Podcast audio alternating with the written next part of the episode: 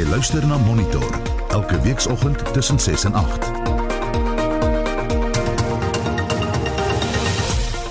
In volgens se program die Wes-Kaapse premier maak 'n drieledige strategie bekend om die verspreiding van COVID-19 te beperk. Behavior change is the most important thing for us and we've seen it over the last 8 months of how that has really helped us to manage and flatten the curve. Ons praat met Wines of South Africa oor die COVID-19 pandemie se impak op die wynbedryf en Pieter van der Berg bespreek die naweek se sport. Goeiemôre en welkom by Monitor. My naam is Anita Visser.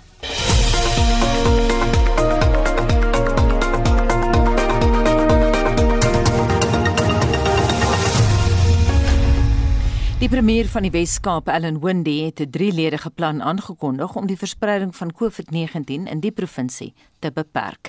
Dit behels gedragsveranderingsveldtogte gemik op burgers, strenger toepassing van veiligheidsprotokolle en die beskerming van die gesondheidstelsel. Kobben August berig. Premier Allan Windey het inwoners en besoekers aangespoor om aan te hou met die toepassing van die COVID-19 veiligheidsmaatreëls om die verspreiding van die virus te staai.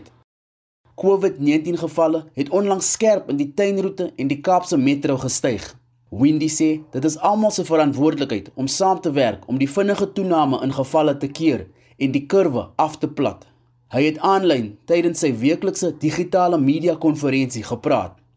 Behavior change is the most important thing for us and we've seen it over the last 8 months of how that has really helped us to manage and flatten the curve and uh, of course behavioral change again. How do we continue to make sure that the people who have the responsibility to follow the basic rules and if we get that right we know we flatten the curve? Die Weskaapse minister van gesondheid Noma French Mbombo het inwoners ook aangeraai om verantwoordelik op te tree om die druk op gesondheidswerkers te verlig. Sy sê die werkers is belangrik in die bekamping van COVID-19 Mbombo sê die onverantwoordelikes wat COVID-19 veiligheidsmaatreëls ignoreer, verhoog hulle eie risiko, die van hulle familie en gesondheidswerkers om siek te word. Sy sê siek gesondheidswerkers sal personeeltekorte veroorsaak.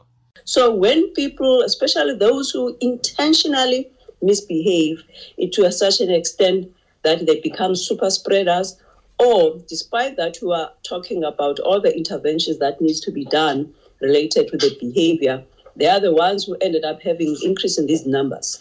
They must know that it's not only affecting themselves and their families, but it means that we'll end up having long queues even in our primary healthcare clinics. Die hoof van die Weskaapse Departement van Gesondheid, Dr. Keith Kloete, sê in die volgende 18 tot 24 maande is dit noodsaaklik dat inwoners se gedrag verander word om COVID-19 hok te slaan. Dit beteken dat almal die COVID-19 veiligheidsmaatreëls streng moet toepas. The biggest concern is the non-adherence to protective behaviors. There's now this big need for targeted enforcement and behavior change. The hospitalization shows rapid increase at this point and mortality rates are starting to increase. We have contingency plans per geographic area to scale up the hospital bed capacity as required.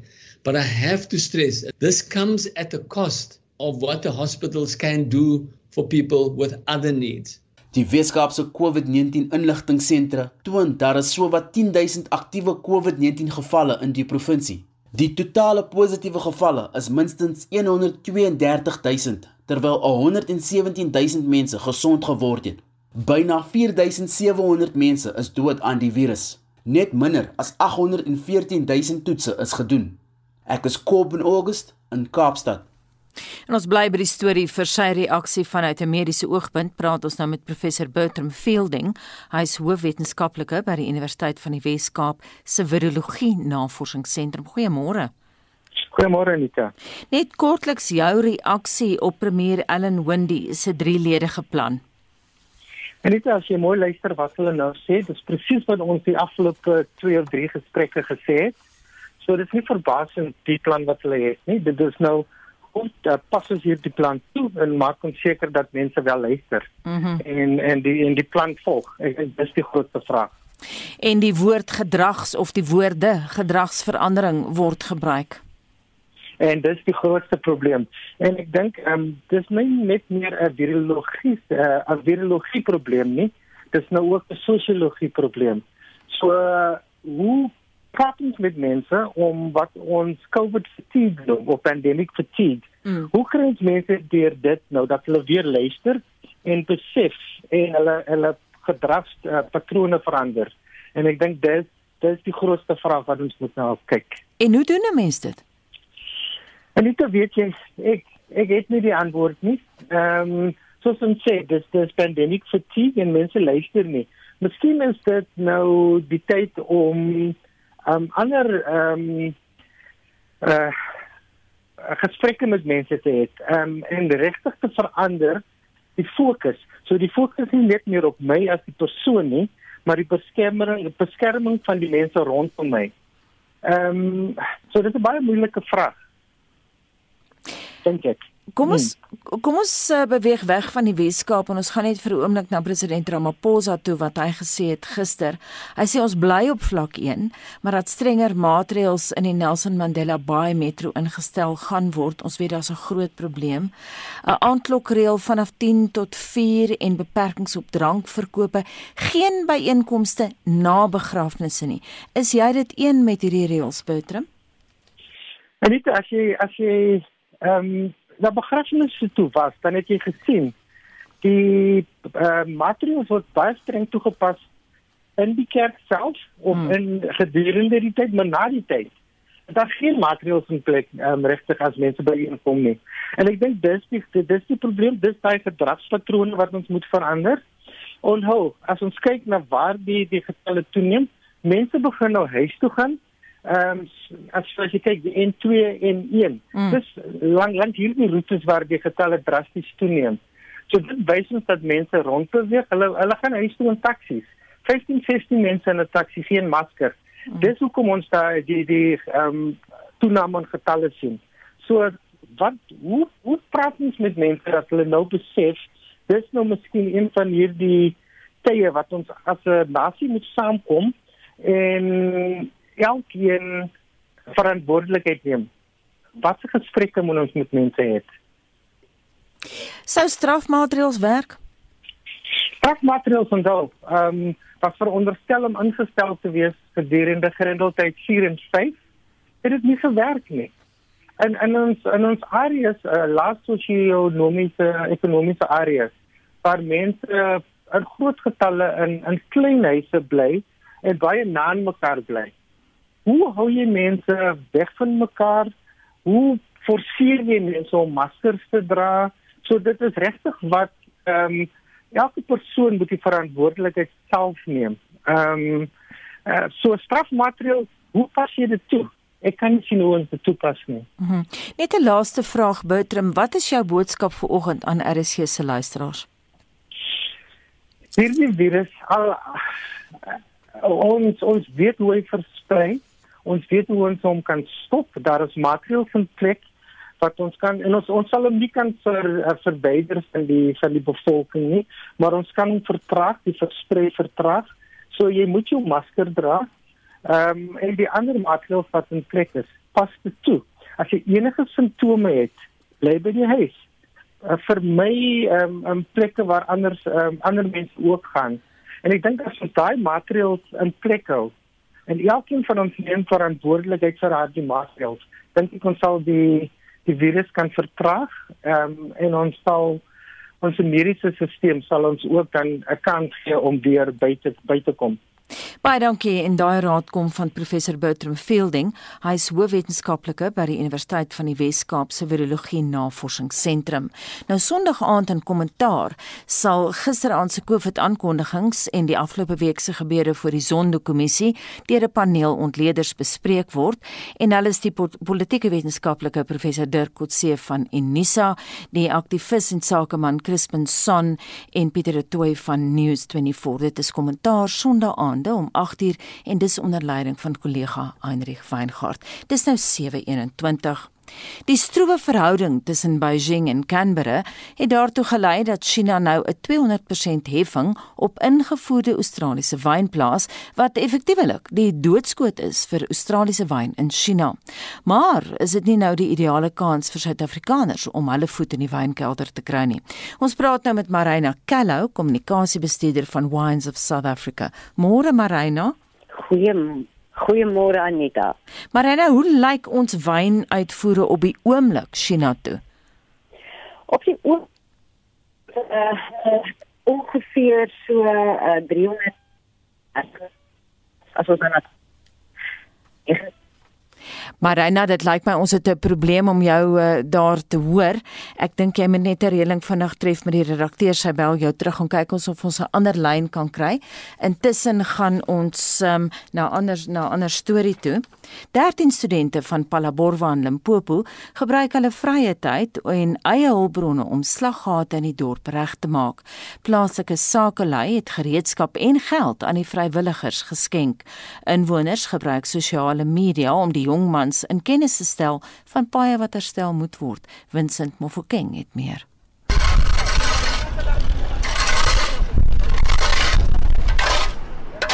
Daartien jong mans werk vrywillig om slaggate op die R71 kruising in Palaborwa reg te maak.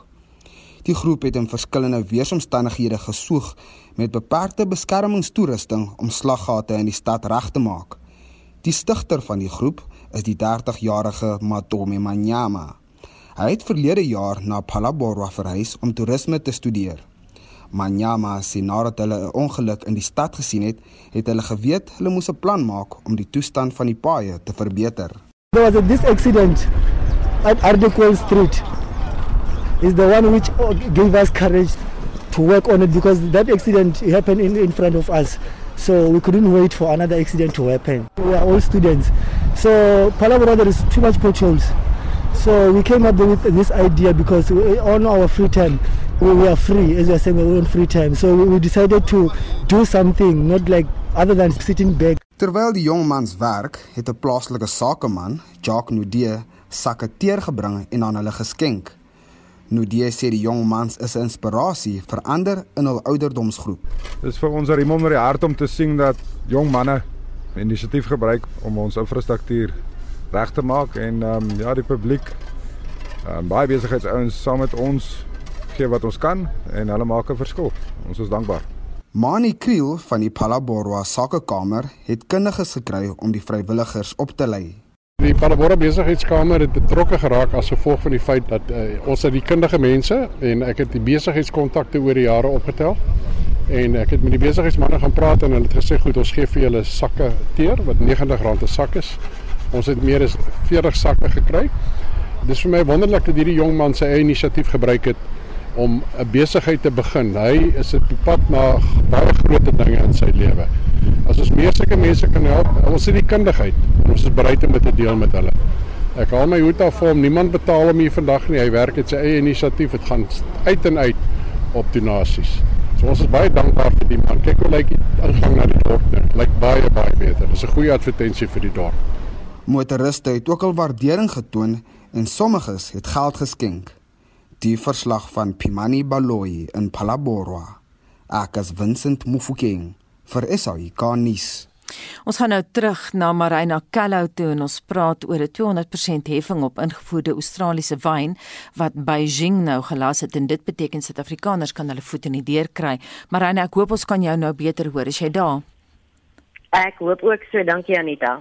Kom ons praat vinnig eers oor kan ons 'n voet in daai deur nou kry? Ek dink daar's beslis 'n geleentheid vir Suid-Afrikaanse wynprodusente om nou uh, 'n bietjie meer van 'n van 'n impak te hê op daardie Chinese mark. Uh ons ons is al 'n geruime tydjie teenwoordig in daardie mark, maar eintlik is ons uh, 'n uh, baie klein visie en 'n groot see daar. Ook vir my interessant, ek verstaan die Chinese het nou begin wyn maak. Ja, hulle het baie groot wynaanplantings, amper so groot soos Frankryk. En uh hulle voer wynmakers in vanuit uh van reg oor die wêreld, maar uh hoofsaaklik uit Europa uit om hulle wyn te maak en vir hulle mense te leer hoe om die wingerde te verbou en uh dit dis is 'n baie belangrike deel van van dit wat hulle doen in hulle land op die oomblik. Maar nou, hoe lyk die profiel van 'n Chinese wyndrinker? Hulle is 'n baie jong uh profiel in daardie opsig dat uh wyn is nie iets wat tradisioneel in China gedrink word nie, um maar daar is 'n besliste skuif aan die kant uh aan die gang. Um die meeste van die wyn wat gedrink word in China is rooiwyn. Uh hulle dit is 'n baie tradisionele kleur in hulle land, so dit is uh die regte wat hulle nou op die oomblik baie meer drink. Maar uh, hulle palette ontwikkel nog so daar's baie geleenthede om nou in te kom uh sodat hulle kan 'n Suid-Afrikaanse wyn begin geniet uh op hierdie stadium, ja. En wat gaan julle nou doen? Op hierdie stadium is dit 'n kwessie van ons reik uit na baie van die uh invoerders in China wat tradisioneel uh, meer gewerk het met die Australiese uh die Australiese wyne. Uh so ons het 'n markbestuurder in Shanghai gebaseer en hy is reeds al gekontak deur baie van hierdie invoerders. So dit lyk wel baie positief uh vir ons. Hoe lyk julle algemene wynuitvoere op die oomblik? Oor die algemeen lyk dit eintlik taamlik positief. As jy in ag neem ons kon vir 5 weke nie uitvoer uh, tydens die verbod uh, op op op uh, vervoer van wyn na die hawens toe nie. En toe daarna het ons vreeslik gesukkel met uh die die, die hawe self. Daar was baie probleme daar gewees as gevolg van COVID-19 uh en ons het regtig baie goed opgevang. Daar was fantastiese veldtogte soos die ehm um, uh Save SA Wine wat mense se aandag daarop gerig het dat ons as 'n wynproduserende land regtig probleme het met uh met uh, die, die feit dat ons nie kon plaaslik wyn verkoop nie. En ek dink dit het 'n baie groot verskil gemaak in die internasionale ruim dat mense regtig gevoel het hulle wil die Suid-Afrikaanse wynbedryf ondersteun. So waar ons nou sit op hierdie stadium is uh op min of meer dieselfde plek as waar ons was 2019 einde November se uitvoersyfers. So ons voel baie positief dat ons teen einde Desember dieselfde uh, volume van uitvoere gaan gaan toon wat ongeveer 320 miljoen liter is. Ongelukkig lyk dit wel asof die waarde van die uitvoere nou nie dieselfde gaan wees as wat ons laas jaar gesien het nie. En dit is hoofsaaklik omdat die die uh restaurante waar die premium wyne hoofsaaklik verkoop word in ons tradisionele markte soos uh Europa is natuurlik toe. So dis meer die die die effense laer pryspunte wat mense uh in die supermarkte en die wynwinkels sou koop. Marina, hoeveel geld het die wynbedryf vanjaar verloor weens COVID? Ons reken ons het uh in totaliteit uh, met die verskeie ver, verbod uh instellings op plaaslike verkope as ook ehm um, uh, uitvoere en dan natuurlik wyntoerisme wat 'n groot deel vorm van dit wat ons doen in ons bedryf.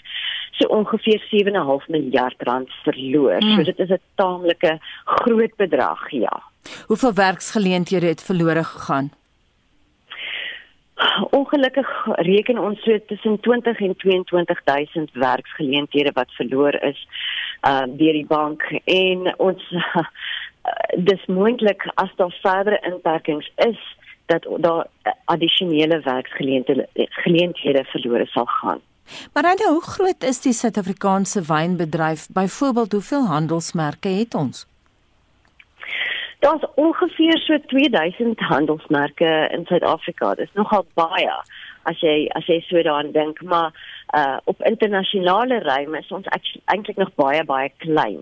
Uh ons ons is maar die agste grootste ehm um, produserende land in uh, in die wêreld. So daar's daar daar's so baie kompetisie internasionaal as jy as jy begin kyk na handelsmerke. Ehm um, ja. Sal julle daai prentjie kan verander binne die volgende 10 jaar of so en dat ons kan opskuif van nommer 8 af? Dis 'n groot uitdaging Anita. Um, ons bedryf het eintlik baie gekrimp oor die afgelope paar jaar. So 10, 15 jaar terug het ons ongeveer 105000 hektaar se aanplantings, wingerd aanplantings gehad En baie van daai wingerdaanplantings is opgetrek um, en herplant met uh, goed soos bessies, sitrus, appels, pere, ehm um, daardie uh produkte is net baie meer winsgewend vir die vir die boere. En uh as as ons regtig 'n uh, groter impak wil begin maak, dan moet ons meer uh, uh wingerde weer aanplant. Maar die groot probleem is die winsgewendheid van die wynbedryf in sy geheel.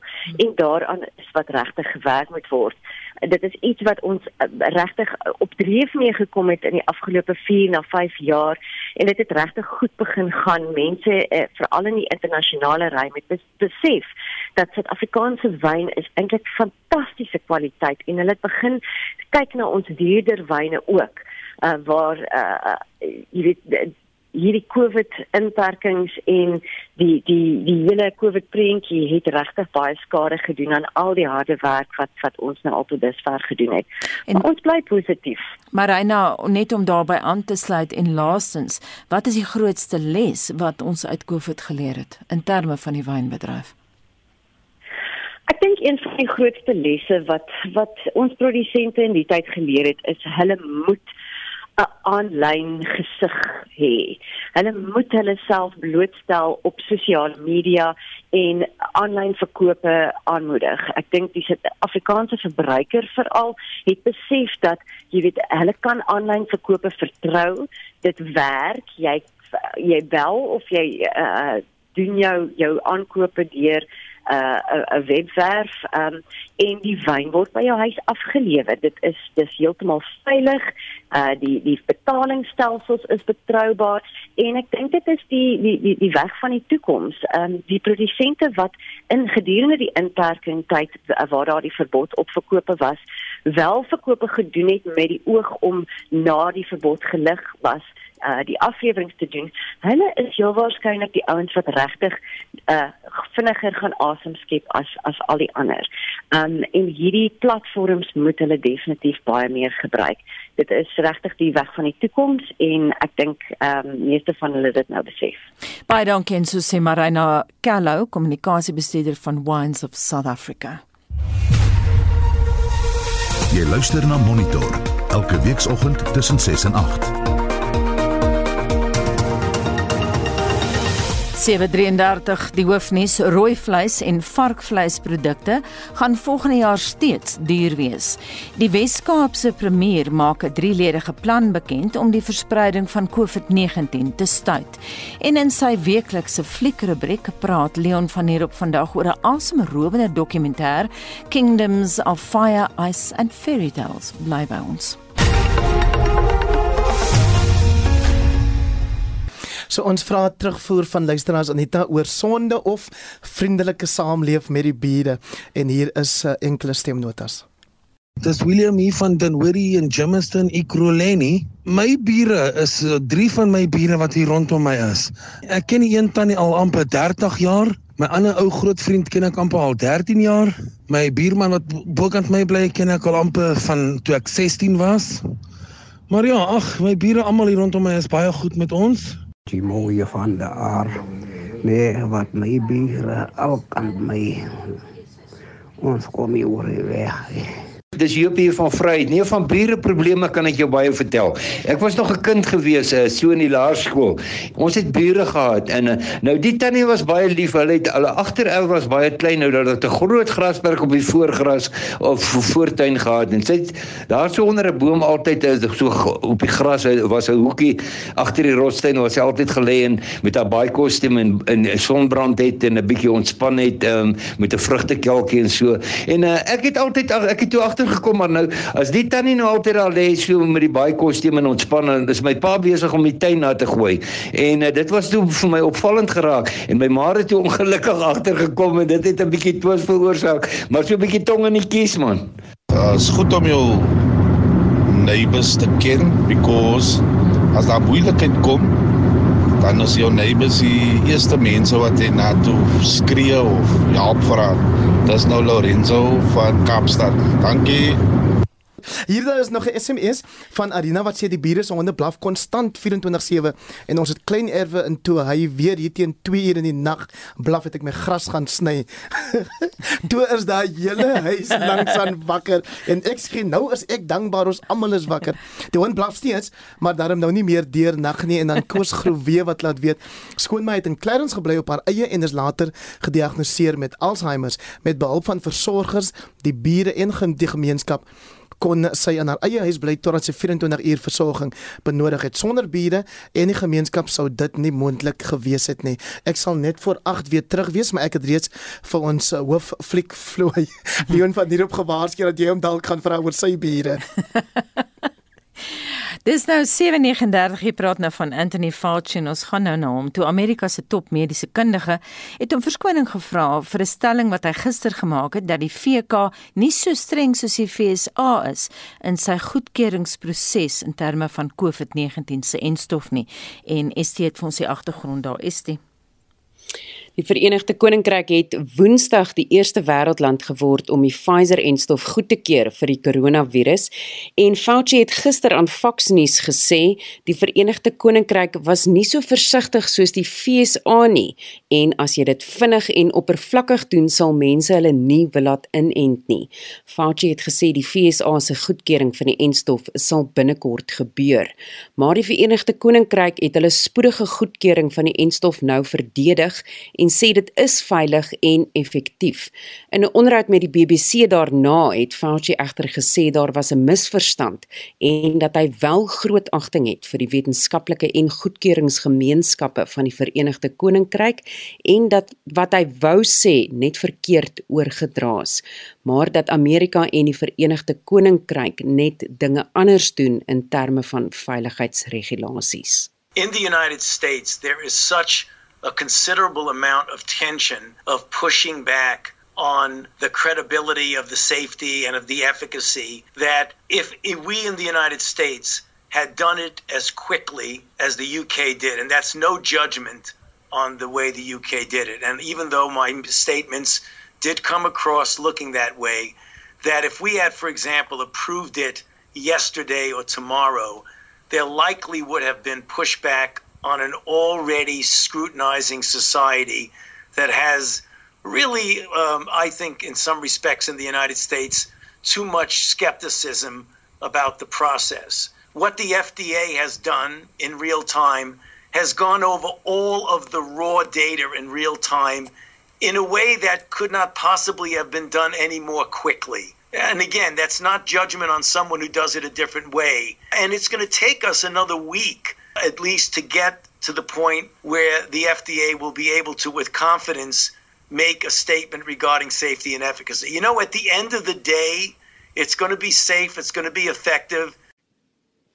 Daar's reeds byna 14 miljoen bevestigde COVID-19 gevalle in die FSA met meer as 270 000 sterftes.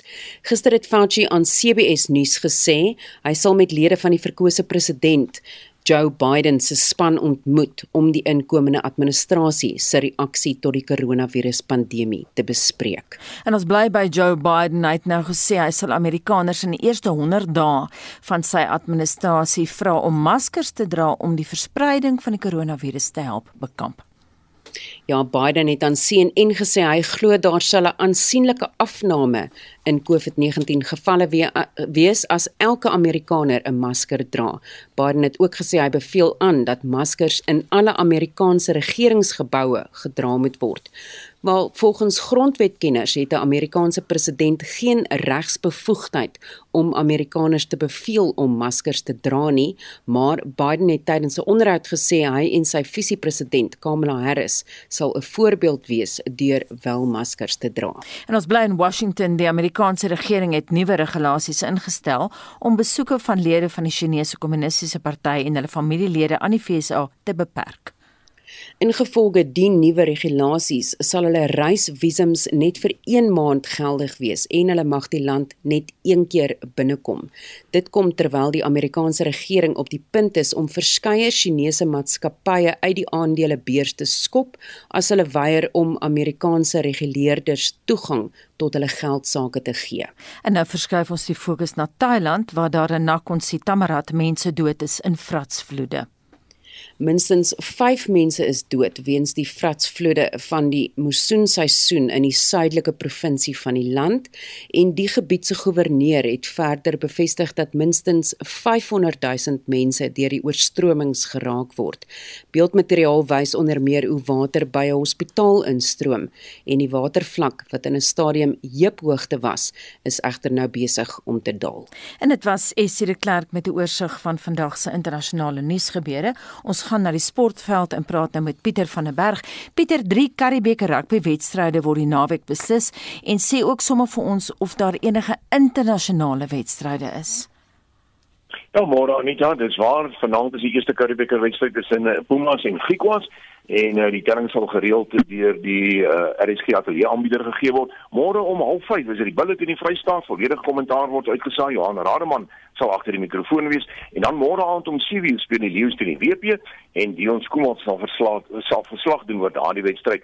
Op die punte leer is die Bullet die voorlopers met 27 punte, die Haie is tweede met 24 en die WP is derde met 20 punte.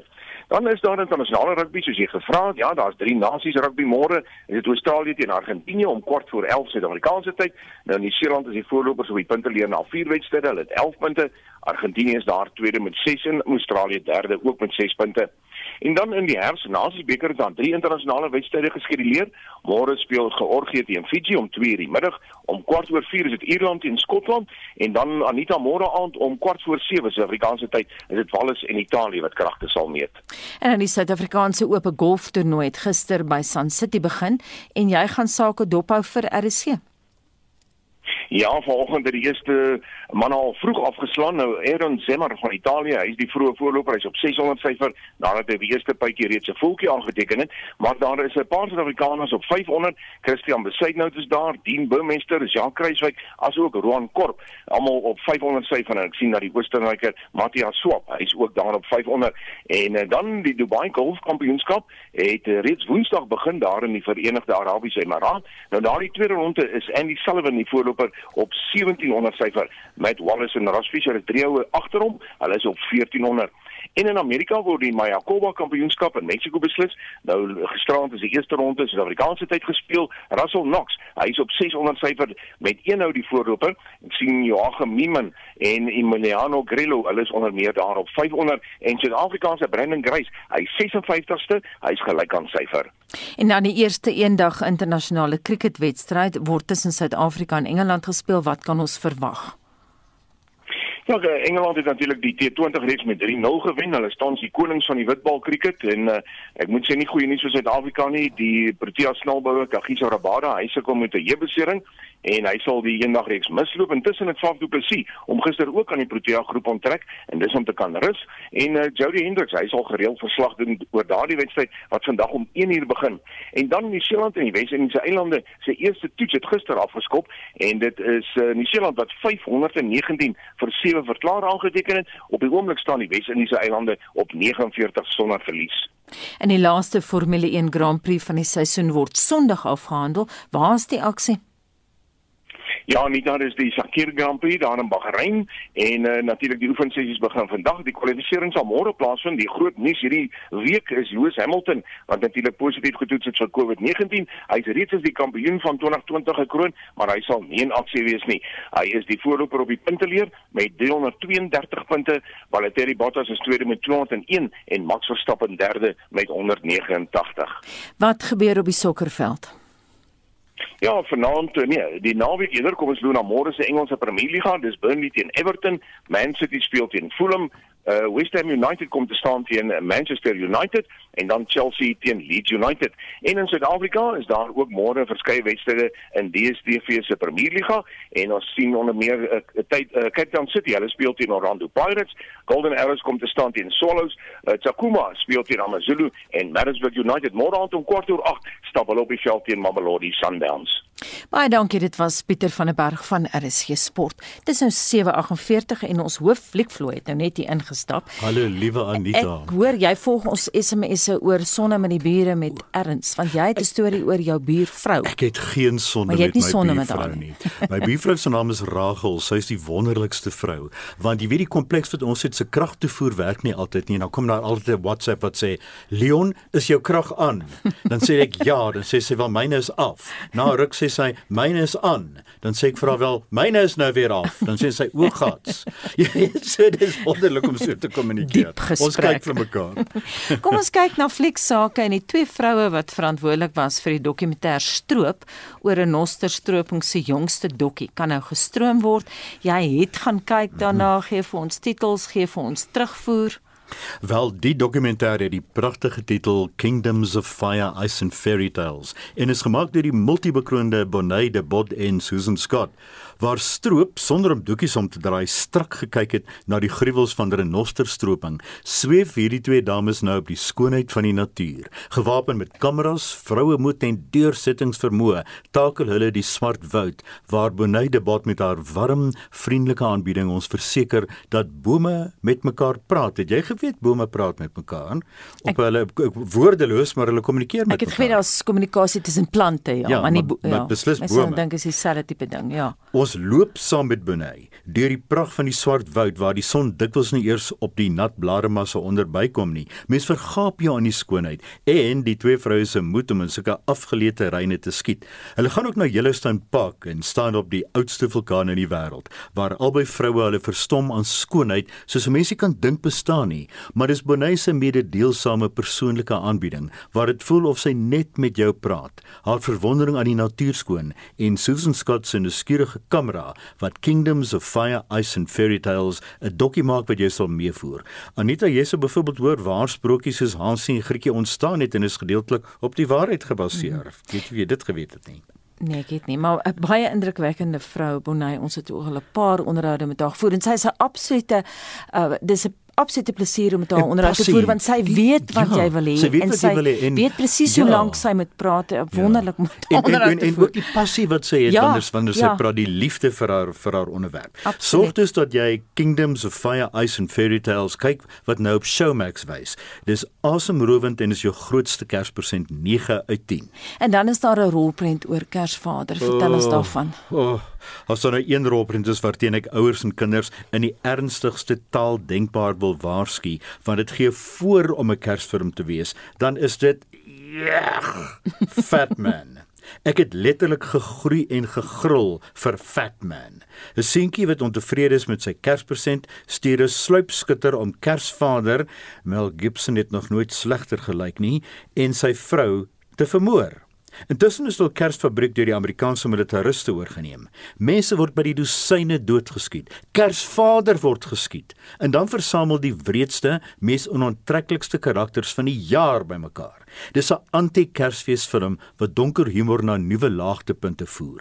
As Fat Man 'n stelling wil maak oor kinders wat teleurgesteld is met Kerspresente en wraak wil neem, is dit 'n totale ramp. Moet onder geen omstandighede verwag om 'n vrolike Mel Gibson Kersfilm te sien nie. Fat Man is 'n anti-Kersfilm. Pas op daarvoor.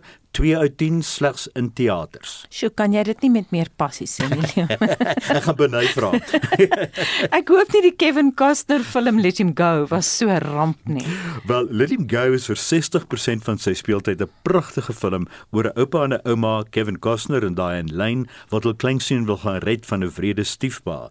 Die liefde tussen twee ou mense word pragtig weergegee. Maar dan maak Let Him Go 'n regsomkeer en is daar 'n paar uiters gewelddadige gewelddadige tonele wat jou uit jou stoel sal ruk. Onthou dus, Let Him Go is tot op 'n punt 'n dierbare, mededeelsame, sagte film oor uitword en om jou kleinseun te red, maar Boeta, as die bloedpad begin, vloei dit. Let Him Go aanbeveel, maar jy gaan kyk op eie risiko daarna. 7 uit 10 slegs in Roprent teaters. En dan begin Akira, 'n anime film van Japan in IMAX vandag landwyd in teaters vir diegene wat daardie genre aanhang. Wees gewaarsku, Akira bevat ook geweld. Lees die resensies op rsg.co.za en klik op fliek rubriek onderaan die bladsy of soek na ouer resensies deur die film se naam in die soeklyntjie te tik.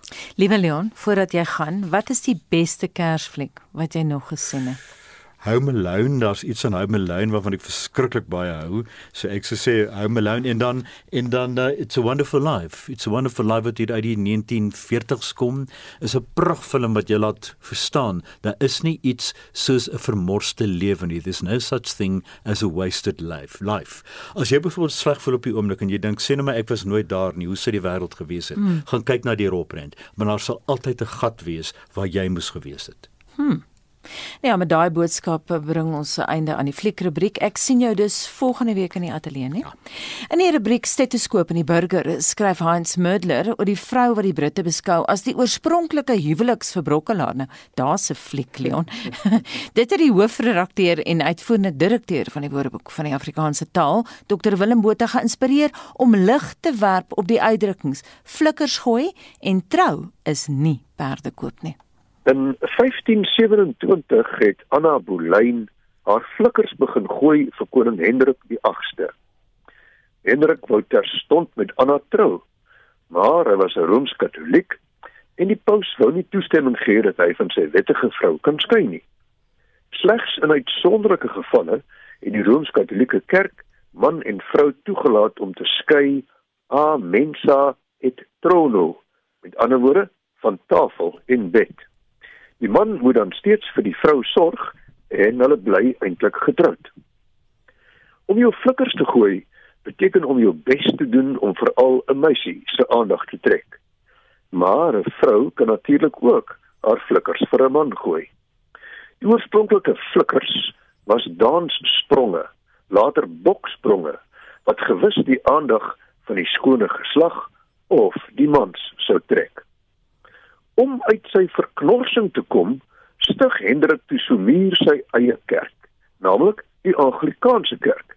En as hoof van die kerk keer hy sy eie egskeiding goed. Sy huwelik met Anna Boleyn is egter gekenmerk deur 'n miskraam, verraad, oorspel en ander misdade.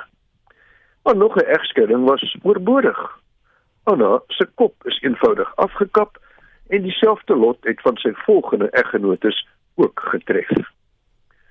Bykans 50 jaar gelede, op 1 Desember 1970, het die Italiaanse parlement egskeidings in die land vir die eerste keer gewettig. Hulle het streng teenkanting van die paus as hoof van die Rooms-Katolieke Kerk verwerp met hierdie wetgewing. Trou is nie perde koop nie. Haastig trou bring gou berou. En trou is niks nie maar die saamlei. Oorgeset synde, trou is 'n ernstige saak. Die kennersoog waarmee 'n perd getakseer word, help nie veel by die keuse van 'n huweliksmaat nie. Wanneer 'n perd gekoop word, veral wanneer die perd nie papiere het nie, word daar veral na die toestand van die tande gekyk. Die doel is eerstens om die ouderdom van die perd vas te stel, maar uit die toestand van die tande kan ook baie van die perd se algemene gesondheid afgelei word. En so sê Dr Willem Botha, hy is hoofredakteur en uitvoerende direkteur van die Woordeboek van die Afrikaanse taal.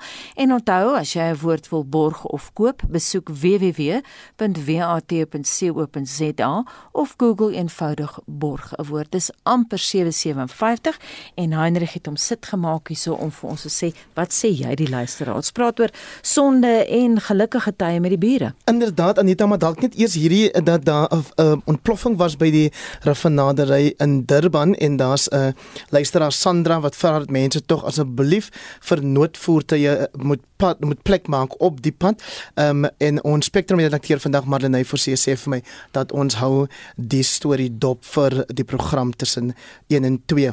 En dan nog terugvoer, ek is bevoorreg of besonder bevoorreg om baie gawe bure langs en agter my te hê selfs oorkant die straat en met Covid kon ons mekaar help met maskers, met alkohol en met inkopies mm -hmm. en dan is ons ook toevallig almal diere liefhebbers en dan het ons ook hierdie stemnota.